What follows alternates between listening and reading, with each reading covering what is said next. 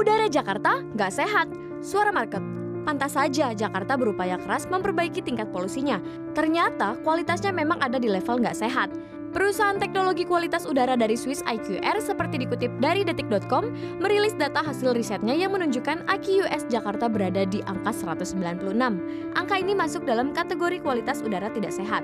Kondisinya kurang lebih sama dengan tingkat polusi udara di kota Santiago, Chili pada angka 180, lalu Dubai di Uni Emirat Arab dengan AQUS 161. Di Jakarta pada Senin 20 Juni 2022 jam 7.33 WIB contohnya, udaranya mengandung konsentrasi PM2.5.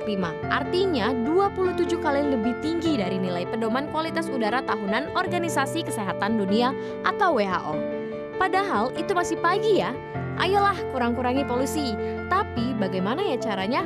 Tulis di kolom komentar dong.